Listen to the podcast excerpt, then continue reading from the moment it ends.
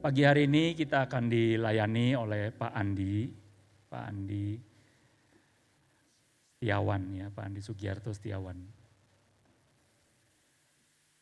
Beliau melayani, menggembalakan di uh, jemaat CLCC ya, City Light Community Church untuk di tempat ibadahnya di Pascal ya, di Pascal. Eh, kok di Pascal di PVJ. Kebiasaan ngomong Pascal jadi di PVJ ya. Um, kami cukup sering bertemu ya minimal sebulan sekali kami bertemu bicarakan pelayanan di kota Bandung ya. Beliau juga jemaatnya mensupport beberapa pelayanan kita ya, yang terutama di Stara. Beliau juga sangat mensupport. Ya, mari kita undang Pak Andi. Silakan, Pak Andi. Thank you, Joel. Thank you buat semuanya. Thank you. Apa kabar? Saya istri satu, anak satu, saya usaha, saya melayani. Uh, saya percaya saya berdiri di salah satu gereja yang paling berdampak di kota Bandung, amin. Kalian adalah gereja yang kalau buat karismatik menurut saya udah pasti paling berdampak ya. Saya nggak tahu dengan kalau Katolik gimana, Katolik juga berdampak dan uh, tapi kalian luar biasa, oke? Okay? Nah, uh, izinkan saya share tentang sesuatu tentang uh, generasi ya. Sebab saya percaya generasi ke depan adalah sebuah generasi yang berbeda sekali. Gereja yang paling berdampak hari ini pun kalau kita gagal menangkap perbedaan generasi maka jangan-jangan kita akan menolak generasi berikutnya. Kita akan anggap cara-cara mereka itu cara-cara yang gak benar, kurang rohani, eh, dan buat kita gak bernilai dan sebagainya. Ya, judulnya kalau saya boleh sampaikan tentang heroes and the authors. Ya, siapa heroes? Heroes menurut saya gini, Anak-anak kita itu heroes. Generasi berikutnya itu heroes. Seperti anak panah di tangan pahlawan. Ya kan? Memang mereka akan jadi heroes berikutnya. Tapi heroes juga bicara tentang saudara dan saya. Authors juga bicara gini. Kita lah orang-orang yang menentukan apakah anak panah-anak panah ini akan melesat tepat pada sasaran apa enggak.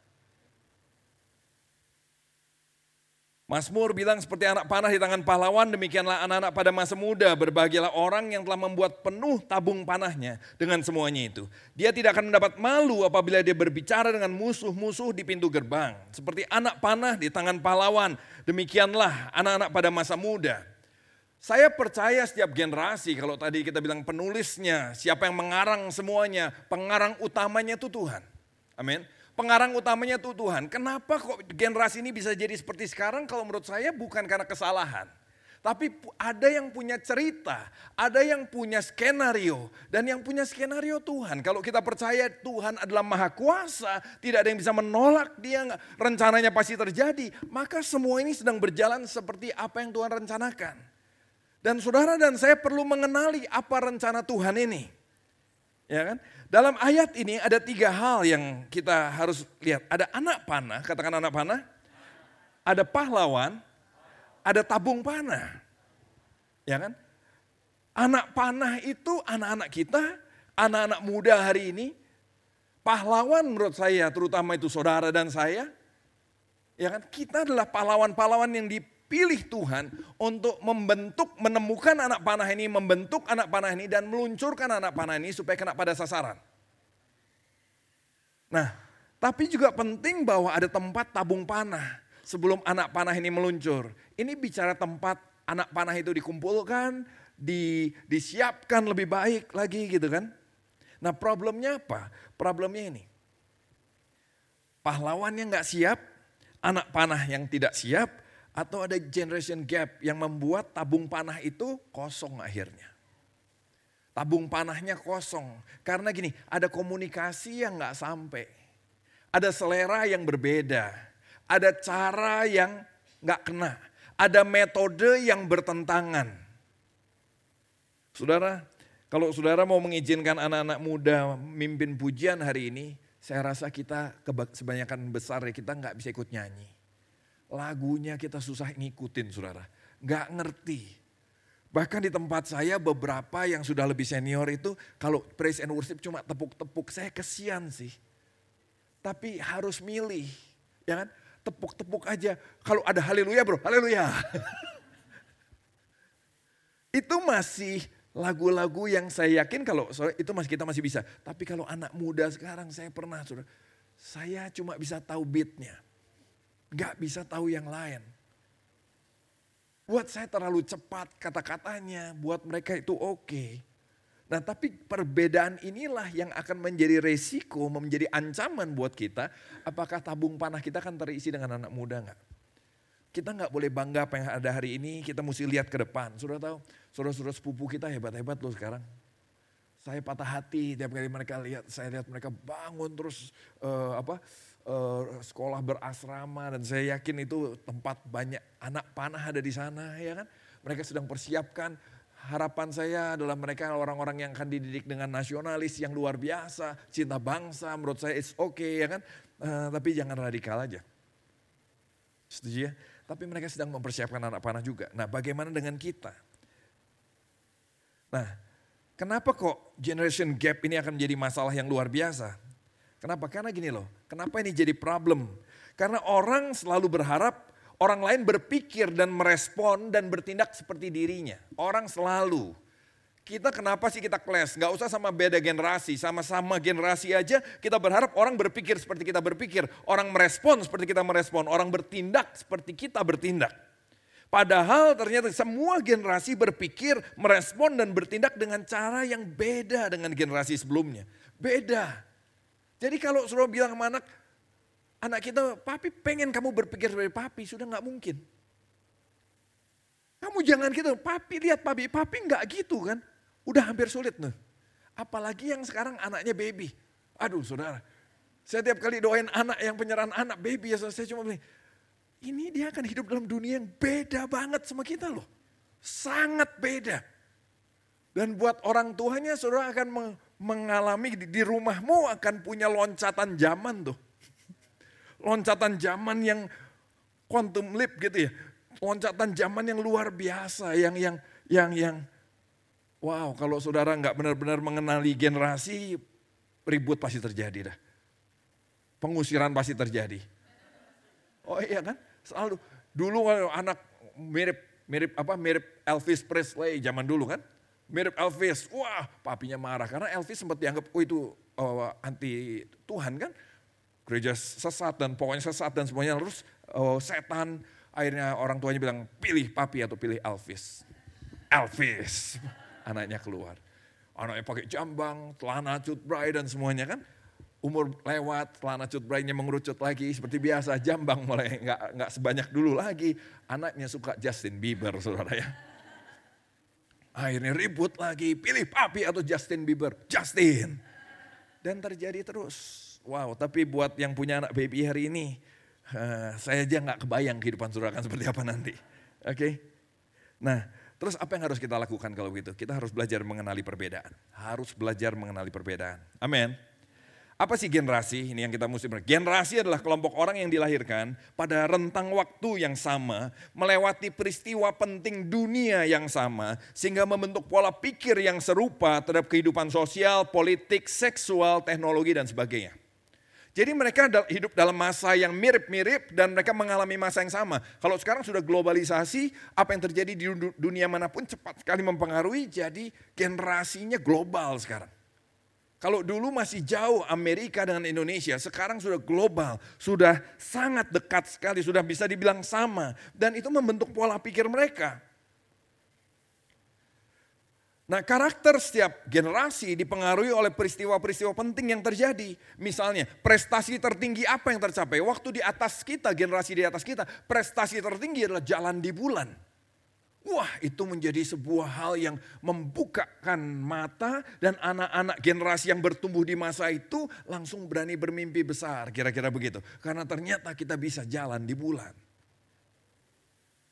Kalau sekarang prestasi tertinggi apa? Itu akan mempengaruhi setiap generasi.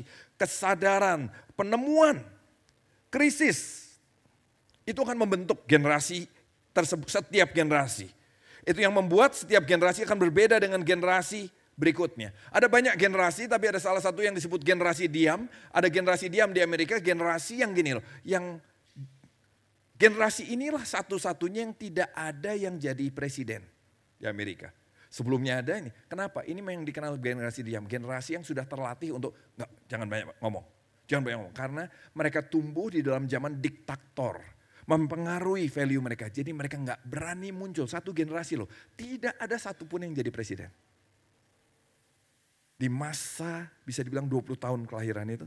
Tidak ada satupun yang jadi satu-satu generasi yang tidak punya presiden di generasi itu di Amerika itu generasi diam. Nah, tapi saya nggak bahas itu, kejauhan saudara. Amin. Kita langsung bahas dulu dari baby boomers. Nah, katakan baby boomers. Mudah-mudahan kelihatan. Wah, lampunya boleh agak dimatiin sedikit mungkin supaya lebih kelihatan. Baby boomers ini lahir di zaman eh, di tahun 46 sampai 64. 46 sampai 64. Nah, kira-kira saudara ada yang lahir di zaman itu? Enggak ada ya? Ada dong. Oh ada, oh haleluya. Oke, tapi minta maaf jangan tersinggung ya. Kenapa? Karena generasi ini lahir di masa-masa ada perang Vietnam, banyak protes, ada Watergate, Nixon uh, di Amerika itu yang terjadi. Tapi yang luar biasa Woodstock. Woodstock itu uh, acara musik seminggu penuh, mereka nginep camping gitu. Dan sudah tahu di situ terjadi banyak hal. Ada banyak sekali yang terjadi, sudah bisa lihat itu ada pembunuhan presiden. Nah, saya mau beritahu gini, yang terjadi di generasi ini adalah gini. Di generasi ini sosial revolusi, revolusi seksual itu terjadi. Revolusi seksual itu terjadi di generasi ini. Lihat ini, yang terjadi apa lagi? Pil KB disetujui di generasi ini. Akibatnya apa? Ini dia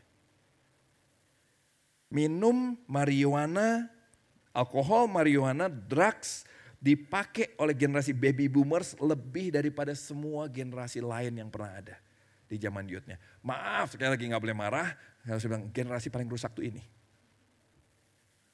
Nah tapi lihat ini, waktu saya ngomong ini bapak-bapak kan seling kali bapak-bapak bilang ini, wah anak-anak sekarang parah-parah rusak-rusak, yang paling rusak ini. Kaget kita ya, bukan anak sekarang. Ini paling rusak. Dari semua generasi ini yang paling rusak. Dan jujur apa yang terjadi hari ini salah satunya dimulai paling parahnya di sini. Revolusi seksual, drugs semua. Bahkan anak sekarang dibanding generasi ini jauh lebih baik. Oke. Okay? Nah, jadi maksud saya gini supaya kita jangan suka nyalahin generasi seterusnya terus. Kadang-kadang ternyata kita yang salah. Saya sih nggak termasuk generasi ini, tapi saya sudah minta maaf ya. tapi maksud, nanggap ya? Oh, enggak loh. Bukan anak muda loh yang salah kadang-kadang. Ya, ini kan drug semua dipakai di situ paling banyak. Ya, nah sekarang generasi X. Nah ini generasi saya dan mungkin sebagian banyak dari saudara, ya kan? Wah ini kacamata sudah parah ini ya. Tahun 65 sampai 80 lahirnya. Tahun 65 sampai 80. Saya di sana, generasi X. Generasi ini, generasi saya ini uh, yang mempengaruhi apa? Tembok Berlin runtuh, perang dingin selesai, AIDS muncul, MTV mewabah. Ya kan? Lagu-lagu dulu kan gitu. Lagu-lagu lagu-lagu waktu tembok Berlin runtuh, ya kan?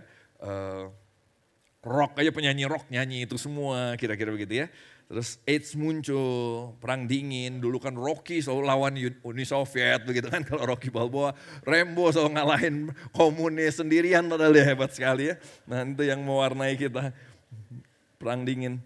Nah, nah tapi yang terjadi adalah generasi X ini generasi yang dia kenal sebagai generasi yang nggak punya paling nggak punya tujuan, paling males kira-kira begitu ya kan? Sukanya dengan pop culture, sudah bisa lihat beberapa data di situ. Nggak bagus-bagus amat juga ya, generasi kita ini. Generasi saya mungkin. Millennials. Millennials lahir tahun 81 sampai 97. Oke. Okay. Nah dia lahir 9-11, 911. Ini mempengaruhi nanti sikap dari generasi ini. Dia lihat agama membunuh orang lain atas nama agama, orang membunuh orang lain dengan cara yang sangat luar biasa atas nama agama. Terus dia melihat presiden Amerika itu kulit hitam. Jadi buat dia gini, buat dia nggak pernah kebayang bahwa nggak bisa kulit hitam jadi presiden. Buat kita generasi sebelumnya, wow pecah rekor kulit hitam jadi presiden. Buat dia presiden pertama yang dia tahu ya kulit hitam. Itu mempengaruhi perbedaan sekali loh cara pandang terhadap suku, terhadap semua hal. Oke, okay? ya. Jadi, wih kulit hitam bisa jadi presiden. Emang kenapa? Presiden satu-satunya yang gua tahu ya kulit hitam, gitu kan. Presiden yang pertama yang gua tahu kulit hitam. Great Recession jadi ada resesi besar, terus mulai global internet mulai timbul. Nah, yang terjadi apa? Dibanding semua generasi, maka generasi, sudah lihat ya, ini generasi ini sampai 97 ya, sampai 97. Anak saya 99 ternyata bukan millennials lagi. Sudah berikutnya. Nah, generasi ini ternyata gini, paling sedikit yang mau punya agama dibanding generasi lain. Generasi ini termasuk apatis terhadap agama. Kenapa? Dia lihat orang bunuh orang atas nama agama. Bisa ngerti ya? Dia bunuh orang atas nama. Jadi buat dia agama itu nggak keren. Agama itu nggak cool. Terus dia generasi ini nggak mau masuk dalam pernikahan. Kenapa? Kalau suruh lihat, ini dampak.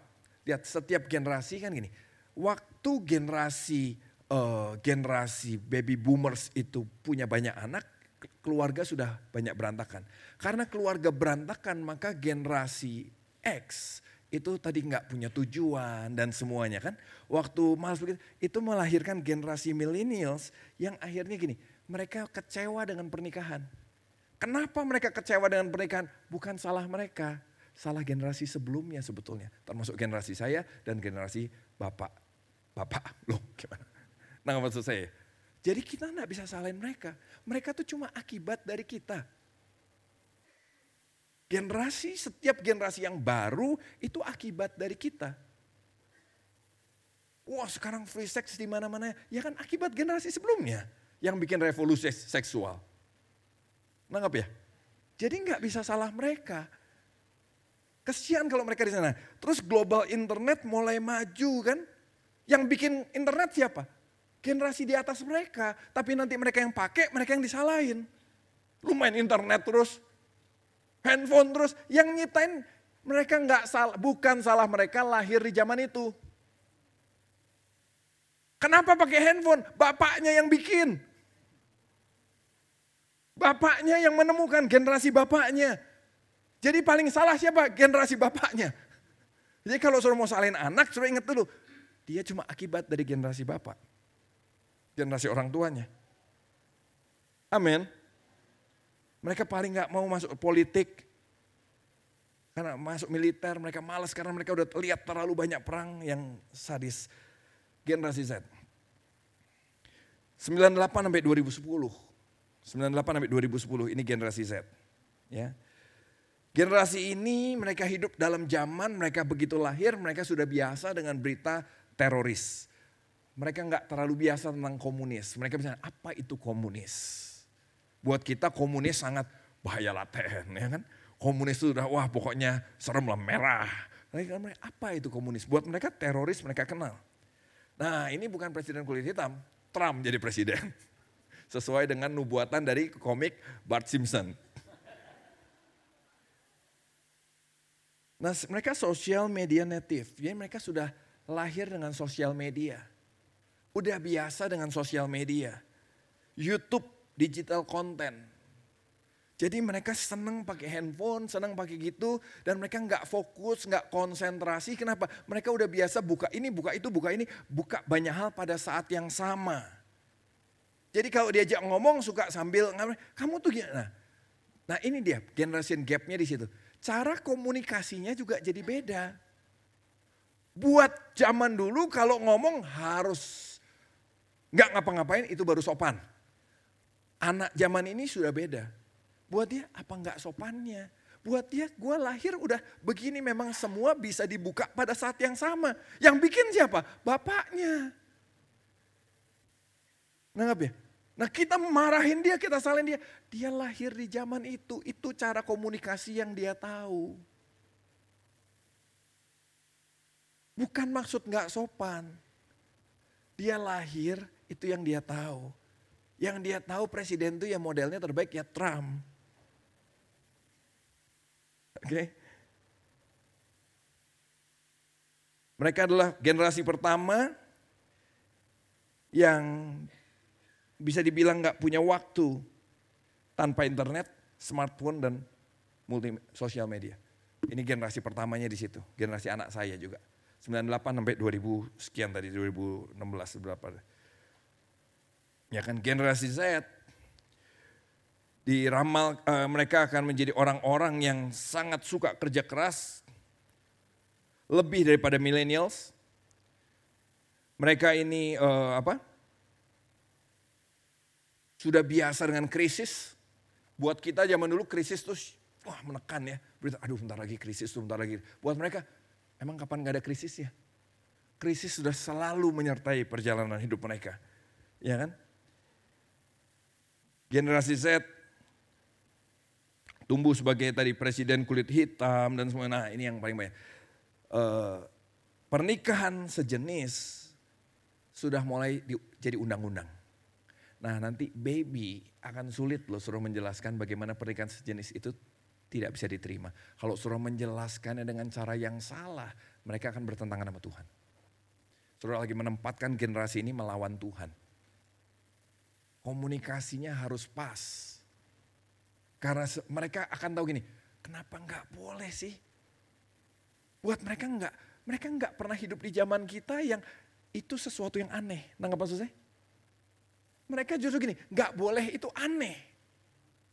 Dan itu yang punya resiko kalau mau komunikasikan yang nggak pas, Tuhan disingkirkan dalam hidup mereka. Oke, nah ini penting untuk kita mengerti. Dan kenapa bisa begitu? Bukan salah mereka. Mereka cuma akibat dari kita. Ya. Mereka akan jadi generasi yang paling banyak suka entrepreneur. Saudara sudah dengar itu kali ya, mereka bukan generasi yang suka kerja.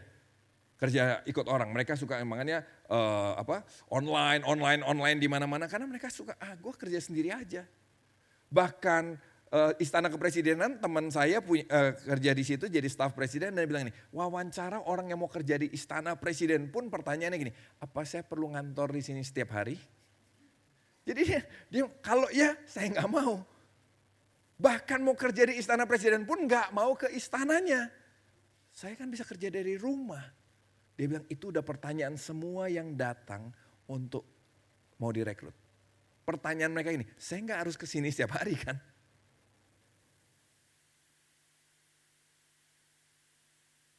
Generasi Z ini dikenal sebagai karakter yang tidak lebih fokus, mereka akan nggak lebih fokus, mereka udah terbiasa buka banyak hal pada saat yang sama, tapi lebih lebih serba bisa.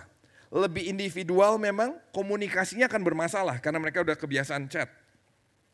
Lebih global, berpikir lebih terbuka, lebih cepat terjun ke dunia kerja, lebih punya hati jiwa wirausaha, lebih ramah teknologi. Nah mereka cenderung toleran dengan perbedaan culture. Beda suku, saudara lihat kawin campur akan sudah menjadi semakin hari semakin biasa. Saya nikah campur, istri saya Batak, saya Chinese. Itu waktu itu nggak sampai pertentangan sih, tapi maksudnya nggak gampang. Ya kan? Nggak gampang. Nanti ke depan orang kan heran, oh ya sempat ada masalah seperti itu dulu? Nah begitu kira-kira. Oke. Okay? Mereka gini, smart anak-anak kita, anak-anak yang generasi Z ini yang tahun 98 nih minimal itu kira-kira gini. Mereka tuh gini, uh, handphone, sosial media itu bukan alat tapi cara hidup loh. Itu udah cara hidup. Makanya didik anak tau-tau misain handphone itu belum tentu yang terbaik. Karena mereka lahir dengan uh, gadget gadget gadget ini di pampers mereka kira-kira begitu. Itu istilahnya. Di pampers mereka ada gadget-gadget ini. Jadi kalau Toto suruh pinggirin kayak mereka, nah ini yang suruh mesti pikir ya, gila ini terikat nih, roh nih, roh bukan. Gara-gara saudara, gara-gara angkatan saudara, generasi saudara. Oke ya. Nah perbedaannya jauh sekali kan. Nah ini sekarang alpha 2011 sampai 2025. Ini mah, ini mah menurut saya udah, ini alien buat kita dan saudara alien buat dia. Kalau saudara nanya ini, wah ini ini ini dunianya beda sekali kan? Lihat ini. diperkirakan ini akan menjadi generasi yang paling pendidikan yang paling merata. Dari semua generasi ini yang paling punya kesempatan pendidikan baik semua. Nah, nah mereka generasi yang akan dikenal segini. Generasi yang suka melihat bintang. Diperkirakan di zaman mereka lah nanti perjalanan keluar angkasa menjadi sesuatu yang biasa. Wow, bayangin. Diperkirakan begitu. Ini yang buat nggak sembarangan loh ya memperkirakan penelitian dan perkembangan ini. Baik, kita ya kan, kita naik pesawat aja juga udah waduh pesawat gitu kan, ini keluar angkasa menjadi sesuatu yang sehari-hari. Dimulainya kemungkinan dari generasi baby-baby ini loh saudara. Dia akan melihat dunia yang jauh berbeda sama kita. Dunia mereka jauh sekali beda sekali sama kita. Ya, lihat itu perbedaannya. Terus mau mau paksa mereka pakai cara kita dulu, udah nggak masuk. Kenapa? Mereka udah hidup gini, lahirnya udah beda. Nah maksud saya, udah gak kebayang lagi yang dulu. Nah kalau apa yang terjadi selama masa pertumbuhan membentuk, sudah terbukti membentuk sebuah generasi. Sudah bisa mulai mengerti kenapa generasi, setiap generasi beda cara berpikir, beda cara berkomunikasi, sudah bisa mengerti. Karena memang mereka dikondisikan dengan semua yang mereka lihat. Dan bukan salah mereka kan. Begitu lahir, begitu masih kecil mereka lihat di TV, bam bam bunuh-bunuhan gini agama, wah agama enggak. Buat mereka langsung agama kok gini ya, gitu kan. Nah bukan salah mereka, mereka lihat itu. Nah kalau itu membentuk sebuah generasi, berarti apa yang terjadi selama masa pertumbuhan anak kita itu kan membentuk anak kita. Saudara mesti perhatikan apa yang mereka lihat hari ini, udah pasti itu yang membentuk mereka. Dari mana sih mereka belajar pakai handphone? Lihat bapaknya pakai handphone. Nah kalau mereka jadi lebih jago dari bapaknya jangan salahin dong. Kalau dia lebih jago dari mamanya jangan salahin dong. Mamanya juga selfie-selfie. Dia nanti lebih canggih dari selfie. Dan kita marahin. Lah gue belajar juga dari mama papa. Buat opa oma minta maaf sekali lagi. Wah ini anak-anak zaman sekarang. Sekali lagi penelitian bilang bahwa gini. Rusaknya semua dimulai dari baby boomers tadi. Tahun 45-an di situlah mulai. Jadi gini loh, maksud saya gini, jangan saling nyalain yuk, itu aja prinsipnya. Jangan saling, saling nyalain, itu hal yang paling sia-sia. Itu cuma bikin kita berantem terus dan enggak percuma. Dan saudara lagi berantem tuh hal yang percuma. Dan kalau mau disalah-salahin asal ini enggak sampai ke baby-baby, mereka bilang yang paling salah kan engkong. Kalau mau saling nyalain loh. Kalau mau, nah maksud saya? Jadi jangan saling nyalain yuk. Nah, gimana kita yang penting ini yuk estafetin esensi kehidupan. Teruskan hal-hal yang memang paling berharga. Salah satunya pasti Tuhan. Makanya cara kita berpikir, nah cara kita bergereja pun harus dipikirin. Saya lagi bilang sama anak-anak muda gini, saya lagi siapin 30 semua jadi pemimpin nih, lagi saya sekoin Alkitab, lagi apa, mereka akan jadi pemimpin. Saya bilang ini, pokoknya orang tua saya tanya gini, Gimana lagunya mau ditukar mereka bilang nggak usah lah Pak Andi. Yang penting anak-anak kita ke gereja. Yang penting anak-anak kita senang ke gereja. Kita nggak ngerti ya udahlah. Ya kan? Jadi suatu kali kemarin kita back to 90s. Temanya back to 90s, ya kan? Sungai sukacita mengalir. Sekarang kita bilang, eh, saya bilang ini, saudara yang muda-muda selama ini, om-om tante-tante ini mau ngerti kalian mereka nyanyi lagu yang mereka nggak ngerti. Hari ini khusus mau nggak kasih tepuk tangan semua buat orang yang lebih senior gitu. Terus kita nyanyi gaya zaman dulu. Cuma nggak ada tamborin aja. Nah, uh, cara bergereja yang sekarang kita juga harus pikir baik. Anak muda nggak tertarik lagi kalau cara bergereja kita, cara generasi sebelumnya. Setiap generasi punya caranya sendiri. Wah tapi Pak ini, loh Pak ini cara ini kan zaman dulu disesat dong. Buat generasi sebelumnya nggak ada gereja kayak Bapak. Nah nggak maksudnya, gereja kayak gini nggak ada. Di hotel ya kan, terus pakai gini ada lighting, ada gini, gini ada band-band gini. Panggungnya band, ini nggak kudus. Iya kan? Nggak kudus dong. Gitu loh. Nah, tapi nah saudara senang dengan bergereja cara gen, generasi saudara yang ditentang sama generasi sebelumnya. Nah sekarang masalahnya generasi baru sudah punya cara bergerejanya sendiri. Saudara mau ngerti mereka enggak? Mau buka jalan buat mereka enggak? Atau mereka harus menempuh jalan seperti kita. Yang kejeduk-jeduk tembok dan disesat-sesatin. Tapi akhirnya kita mau bilang kita enggak sesat. Kita cinta Tuhan. Cuma kita suka band. ya kan? Kita suka lighting. Dan gak ada hubungannya sama cinta gue sama Tuhan. Setuju? Nah sama seperti saudara diizin, saudara berjuang tuh, kenapa saudara enggak siapin buat generasi berikutnya? Kenapa saudara tetap pakai ini buat generasi berikutnya? Sebab ini udah bukan cara mereka. Amin. Kita masih sibuk menentang gereja virtual kan?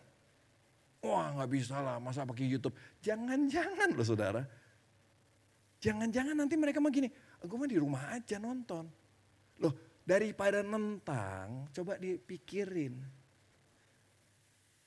Satu hal ada, ada gini, ada hal yang esensi yang tetap gini. Mungkin caranya yang beda tapi esensinya sama, cinta Tuhannya sama, berkomunitasnya mungkin tetap dibutuhkan karena semua orang akan tetap butuh teman. Karena generasi ke depan makin sendiri mereka makin sendirian.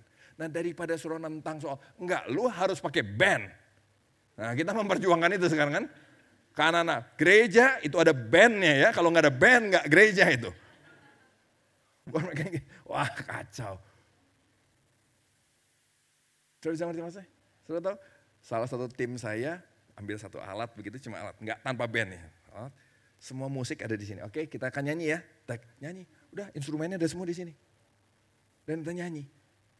Dan orang yang nggak, kok nggak ada yang main musik sih? Itu kita gatal loh. Soalnya ini kok gini ya kebaktiannya ya. Padahal semua suaranya ada di sini. Cuma satu alat kecil, mau lagu apa? Tinggal pencet lagu ini, nyanyi, keluar semua, kita nyanyi. Halo. Tapi kita merasa, bayangin saudara ini nggak ada semua, cuma ada satu dan kita nyanyi full band suaranya tapi nggak ada nih semua. Kagok loh. Aneh rasanya. Nggak ke gereja rasanya. Ya, cuma coba renungkan baik. Kasihan generasi saudara kalau suruh hantam juga. Eh, generasi di bawah saudara, generasi yang muda kalau suruh hantam juga. Sama seperti kita kan, berjuang, tapi kita cuma bilang, eh kita cinta Tuhan kok dengan cara kita. Hei, gimana mereka? Di dalam pertempuran itu banyak korban berjatuhan kan? Banyak korban berjatuhan. Banyak orang yang akhirnya malah mungkin jadi terpental hilang dengan kepahitan. Kenapa kita nggak belajar dari pengalaman kita sebelumnya untuk kita membuat sesuatu yang baru buat generasi berikutnya. Coba pikirin, misalnya kebaktian youthnya beda dikit gitu.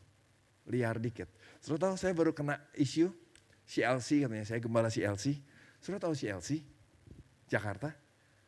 Yang gini loh, gerejanya sebelum mulai kebaktian ada tarian gay. Terus gerejanya pas uh, kemarin habis kebaktian ada tato gratis di depan. Uh, terus karena kebetulan namanya mirip, saya CLCC, dia CLC, wow, ada di sosial media, inilah gembalanya, foto saya muncul. ya kan, foto saya muncul. Oke, okay. tapi ya udah biar aja ya kan orang-orang yang gini akhirnya harus orang yang minta maaf dan semuanya karena salah ya oke. Okay. Cuma buat saya gini, kenapa sih lang harus langsung ditentang? Karena jelas visi gereja itu gini, kami mau bangun gereja untuk orang yang benci gereja. Buat saya orang itu hebat. Caranya saya, tapi gini, dia bukan orang sembarangan loh. Dia ini guru sekolah Alkitab reform. Reform buat itu loh. Saya nggak mau bilang setuju nggak setujunya ya, tapi gini loh, reform mulai berpikir loh, apa yang bayangin reform. Reform saudara, yang musik tadinya harus klasik. Iya kan? Bikin gitu loh. Dia guru sekolah Alkitab di sekolah teologi reform Jakarta. Langsung dimentor sama Pak Yakub Susabda. Itu yang selevel se, se, se, se, se, se ini sama Pak Stephen Tong. Dimentor langsung, wah tapi yang yang tentang dia siapa? Gereja-gereja lain. Padahal dia udah jelas gini, visi kami bukan untuk untuk yang benci gereja, tapi yang marah orang gereja. Kan udah memang bukan buat lu, kenapa lu marah? Kan gue udah bilang bukan buat lu. Kenapa marah? Ya kan? Ada yang kontak saya, Pak Andi, nama Pak Andi gini. Saya bilang, kenapa sih kalian serang dia? Kalian gak tahu apa yang dia lagi jalanin. Coba kalian cuma tahu itu tidak sesuai dengan cara yang kamu suka. Kalau dia mau jangkau LGBT gimana? Kenapa lu serang dia? Kenapa nggak kasih kesempatan sih? Halo? Coba pelajari dikit siapa dia. Kalau dia orang sesat dan sebagainya, oke kita sate sama-sama gitu kan. Sesat ya, mirip-mirip sate gitu kan. Tapi kalau dia ternyata guru sekolah kitab, di mana anak saya belajar di sana, anak-anak didik saya, ini orang bukan sembarangan. Dan dia, oh, bilang, berat nggak udah mau menjangkau orang yang benci gereja, ditekan nama gereja. Berat. Saya percaya ke depan akan muncul gereja-gereja yang unik-unik begini loh. Nah maksudnya, buat anak-anak baby kita suatu hari nanti LGBT segala sudah bukan kasus loh. Perhatian baik nanti. Udah lihat ya nanti dunia akan begitu. Nah gereja harus punya bentuk yang esensinya tetap terjaga, tapi caranya, metodenya itu bisa masuk kepada generasi yang baru. Kalian adalah gereja yang termasuk paling berdampak di kota Bandung, saya harap dalam hal ini kalian juga jalan di depan. Ya kan? Jadi nanti yang ditentang JB3 gitu kan. nah, masalahnya di mana tadi perbedaan tradisi? Ya kan? Masalahnya di mana perbedaan tradisi? Kalau sudah mau kasih esensi, coba hati-hati dengan tradisi. Sekali lagi, kalau saudara dan saya mau meneruskan esensi, kita mau meneruskan esensi, hati-hati dengan tradisi. Apa sih tradisi? Itu dia. Tradisi adalah ya kan, sudah bisa lihat hal yang sudah long established, standar sudah jadi standar, sudah dianggap normal. Nah, tiap generasi nanti beda nah, kata normalnya. Yang normal gini, buat anak sudah yang baby gini, nggak normal, pap. Ya kan? Kamu hidup yang normal dong, jangan pakai handphone terus. Yang normal buat saya ini. Sudah tahu? Survei membuktikan mahasiswa di, di Bandung 20% mau bunuh diri kan? Kompas. Terus satu dari empat orang ternyata punya masalah kejiwaan. Jangan-jangan ini loh. Jangan di luar, di rumah aja ribut terus. Apa yang normal, nggak normal, normal, nggak normal, normal. Waduh pusing saudara, lama-lama dia merasa nggak normal. Satu dari empat punya masalah kejiwaan ya. Tradisi adalah sesuatu yang dianggap normal. Nah papa sama mama sama anak yang dianggap normal aja udah pasti beda.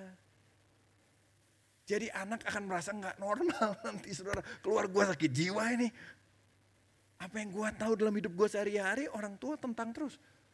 Rumah jadi tempat nggak betah loh.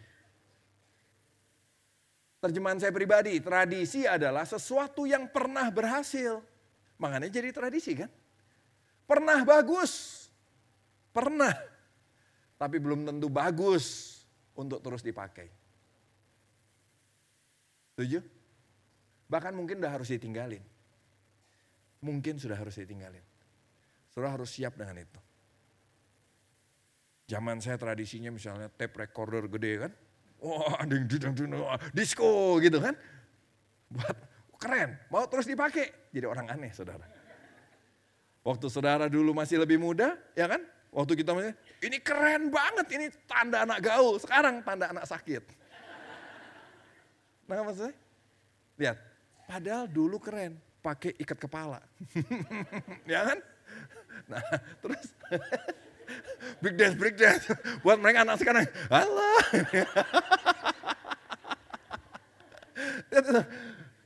pernah bagus, tapi belum tuh bagus untuk terus dipakai gitu loh. Bahkan mungkin sudah harus ditinggalin. Nah harus punya hati besar. Jangan dulu zaman papi, dulu zaman papi. Pergerakan juga dulu zaman papi ya. Wah itu revival.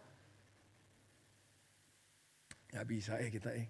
Udah gak bisa lagi cerita yang dulu-dulu-dulu Tuhan aja. Nah terus dari makanya judulnya kan Heroes and the Authors. Terus kalau surat tentang pergerakan ini, saudara lagi nentang siapa sih? Kalau menurut saya, nentang Tuhan loh. Ini cerita Tuhan Pak. Dunia ini cerita Tuhan. Sampai ending nanti. Sampai ending nanti, ini siapa yang buat? Tuhan. Dia berkuasa nggak? Dia Alkitab bilang dia bisa membelokkan hati penguasa-penguasa kok. Hati raja-raja dia yang atur. Sejarah dunia ini dia yang lagi buat. Mendingan kenali Tuhan lagi mau gerak apa sih? Tuhan lagi mau gerak apa sih? Daripada terus kita tentang. Jangan-jangan kita lagi tentang Tuhan.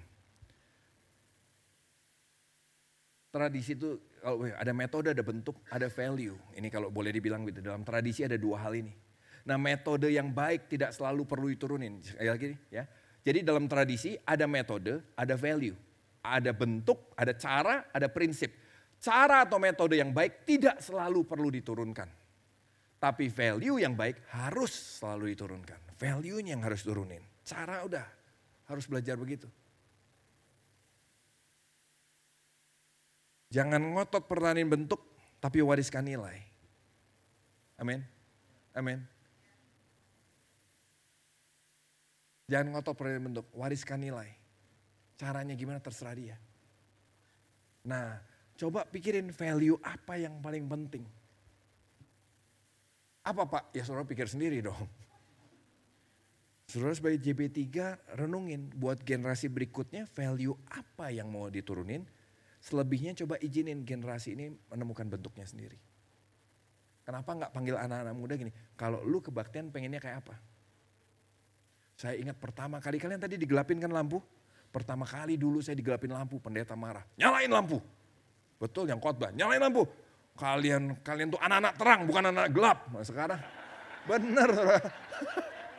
Wah kita panitia tertuduh semua nyalain lampu, gagal. Kebaktian gagal saudara, nyalain lampu semua. Anak-anak, nyalain lagi ya kan. Tadinya udah keren, weh buat bapak-bapak.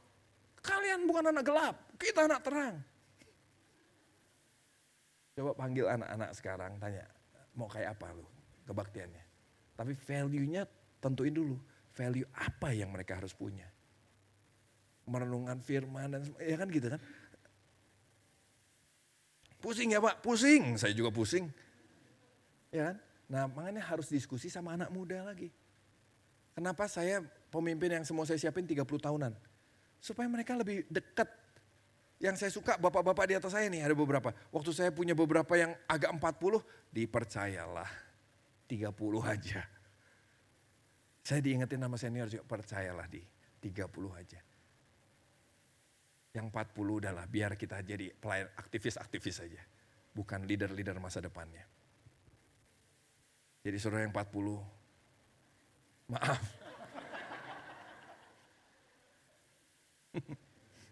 Oke, okay? terakhir ini yang saya mau. Nah tanggung jawab setiap generasi kan itu. Yuk hormati generasi sebelumnya. Layani generasi kita dan mempersiapkan generasi berikutnya. Amin. Amin. Yuk hormati generasi sebelumnya. Jangan saling salah-salahan dah. Hormati generasi sebelumnya. Layani generasi kita. Saudara paling punya bahasa paling nyambung sama generasi saudara. Sudah paling nyambung. Ya kan? Tapi siapin generasi berikutnya. Panggil mereka. Suruh mereka menemukan. Yang asik menurut lu apa. Sekolah minggu yang asik apa sih buat mereka. Coba cari. Belum tentu kayak dulu lagi. Ya kan? Pakai cerita gini, Bapak Abraham, buat mereka udah ya aduh film gue pengen cepet pulang, pengen nonton film di rumah. Pengen nonton film di TV, pengen buka Youtube, kenapa? Sekolah minggu sudah jadi tempat museum berjalan. Gereja tanpa sadar udah jadi museum berjalan. Gereja adalah tempat di mana tradisi sangat dijaga, tradisi kuno. Saya masih pakai kantong sih, saya di sini enggak ya? Saya masih pakai kantong persembahan Jeffrey Rahmat bilang, ini tahu dari sejak tahun berapa ini ditemukan. Dia bilang, kalian masih pakai terus ya kantong persembahan ini. Ini barang kuno banget loh ini. Generasi di luar udah gak ada yang begini-begini nih. Generasi luar udah, oh gope apa ya kan. Makanya saya pikir, kita mau bikin itu tuh ya, beberapa merasa gini, kok kayak duniawi banget ya. Bukan duniawi, lu sudah generasi tua aja. Kita ngerasa, persembahan kok gini sih? Tat, persembahan. Nah esensinya apa? Memberi dengan hati bersyukur kan. Caranya sebetulnya harusnya nggak ganggu kita kan. Tapi lihat itu kan cara persembahan nanti ganggu kita loh. Kita lebih rohani kalau pakai kantong, kantong lewat nih. Oh rohani banget. Ah, puas rasanya, memberi banget rasanya sama Tuhan. Aduh saudara. Ya, padahal nggak itu kan. Nah di situ nanti nggak nyambungnya tuh. Saya juga termasuk konservatif. Tadi saya hampir nggak bisa email ini kan dibantu anaknya Jul. Saya bingung, saya gaptek orangnya. Tapi saya mesti sadar iya ya. Saya orang klasik saudara. Saya suka celana kain, ya kan. Lagi kuliah aja celana kain saya. Orang anjing saya celana kain gitu kan. Jas nih. Tapi saya belajar ini. Jadi orang-orang yang kasih saya pakaian jangan pakai baju itu Pak Pastor kasih kasih. Aduh saya pertama kali pakai begini-begini saudara. Ini kan apa namanya skinny kan. Aduh keringetan. Bener. Aduh Pak ini gimana sih. Sekarang udah biasa. Pertama keringetan gitu kan. Aduh ini bener sih ganti lagi, ganti lagi sampai berani pertama. Dan tetap saya bukan orang yang update sih sebetulnya, cuma saya memikirkan mereka. Saya bukan orang yang update banget. Ada banyak orang jauh lebih update, saya memikirkan mereka. Saya lagi rangkul orang-orang yang sangat di generasi ini, contoh uh, Raditya Olowan, uh, Marsha, kalau sudah tahu nanti uh, di tempat saya ada Christopher tapi Heru. Mereka-mereka yang mungkin Raditya Olowan, aduh dia tentang abis dibilang gereja sesat, gereja sesat. Kalau sudah kenal ya, sudah kenal dia itu orang lembut, cinta Tuhan yang luar biasa. Hidupnya berantakan, iya tapi dia nggak malu cerita semua kehidupan dia. Dan saya lagi pengen bantu dia supaya dia jangan diserang banyak orang lah. Saya mau bilang ini, kamu kamu jalanlah ya, kamu lakukan untuk generasi ini sesuatu yang saya nggak bisa lakukan. Saya mungkin nggak bisa lakukan. Saya mau digaul-gaulin tetap aja, om. nggak usah dipaksain om. ya kan? Tapi kalau mereka biar mereka dengan caranya bagian kita mempersiapkan generasi berikutnya. Amin. JB3 sudah punya PR besar. Kita punya PR besar. Tapi suruh juga punya PR besar. Amin. Amin. Percayalah bentuk gereja ini, ini sudah jelas gereja generasi lama. Amin. Yang sebentar lagi punah. Maksud saya pikirin, pikirin cara pikirin anak-anakmu, pikirin supaya mereka senang ke gereja, mereka suka dengan Tuhan. Amin. Karena Tuhan mah Tuhan buat semua generasi. Tuhan adalah Tuhan buat semua generasi. Cuma kita yang jadi penghambat sering kali. Perhatian baik ya. Tuhan adalah Tuhan buat semua generasi. Kita yang jadi penghambat. Amin. Sama seperti generasi dulu, dulu sekali lagi masih sakit mata lihat saudara. Tapi Tuhan tidak pernah sakit mata lihat saudara. Begitu juga Tuhan tidak akan pernah sakit mata dengan generasi berikutnya. Suruh tidak usah pusing, nanti gimana soal pernikahan sejenis, tidak usah pusing. Tuhan mengasihi mereka semua, percaya sudah. Tuhan cinta mereka semua. Tuhan cinta mereka semua. Amin. Tuhan selalu menerima semua orang, apa pun masalahnya. Kita yang pusing kan. Yuk coba mulai renungin yuk. Renungin ya, jadi gereja masa depan. Mulai lihat ke bintang nanti keluar malam ya lihat bintang, bayangin anak-anak kita kan mulai terbang di sana. Gerejanya di sana jangan-jangan gitu kan. Nanti ketemu Thor ya, uh, siapin mereka untuk, saya udah bilang, pertanyaan kalau ada alien gimana?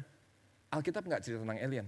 Tapi kalau sampai ada alien nggak? Alkitab nggak cerita berarti bisa ada bisa enggak loh. Ayo, kenapa nentang? Alkitab bilang tidak ada alien. Enggak, Alkitab nggak bilang begitu. Saya sih nggak percaya ada alien. Tapi kalau sampai ada gimana? Nggak usah pusing, Yesus tetap Tuhan. Kalau sampai ada alien gimana? Saya bilang mana anak muda? Kabarin Injil buat alien-alien itu. Mereka juga perlu diselamatkan. Amin. Karena Yesus tetap Tuhan tidak terganggu oleh apa pun juga. Itu esensinya. Sampaikan dengan cara yang bisa dimengerti generasi berikutnya. Jadilah orang tua yang bisa mengerti generasi berikutnya. Orang tua yang dibanggakan. Orang tua gue beda, gereja gue lain. Amin. Saya bilang sama anak-anak muda terakhir gini, Nanti suatu hari kalau gue perlu, gue udah gak ngerti banget, tolong lu bikinin kebaktian buat angkatan gue khusus ya. Oke, okay? sekarang gue bikinin buat lu. Tapi next time, kalau gue udah sama sekali gak nyambung, tolong buatin, perhatiin kami, perhatiin generasi sebelumnya. Jangan musuhan, bekerja samalah. Tuhan memberkati, God bless you.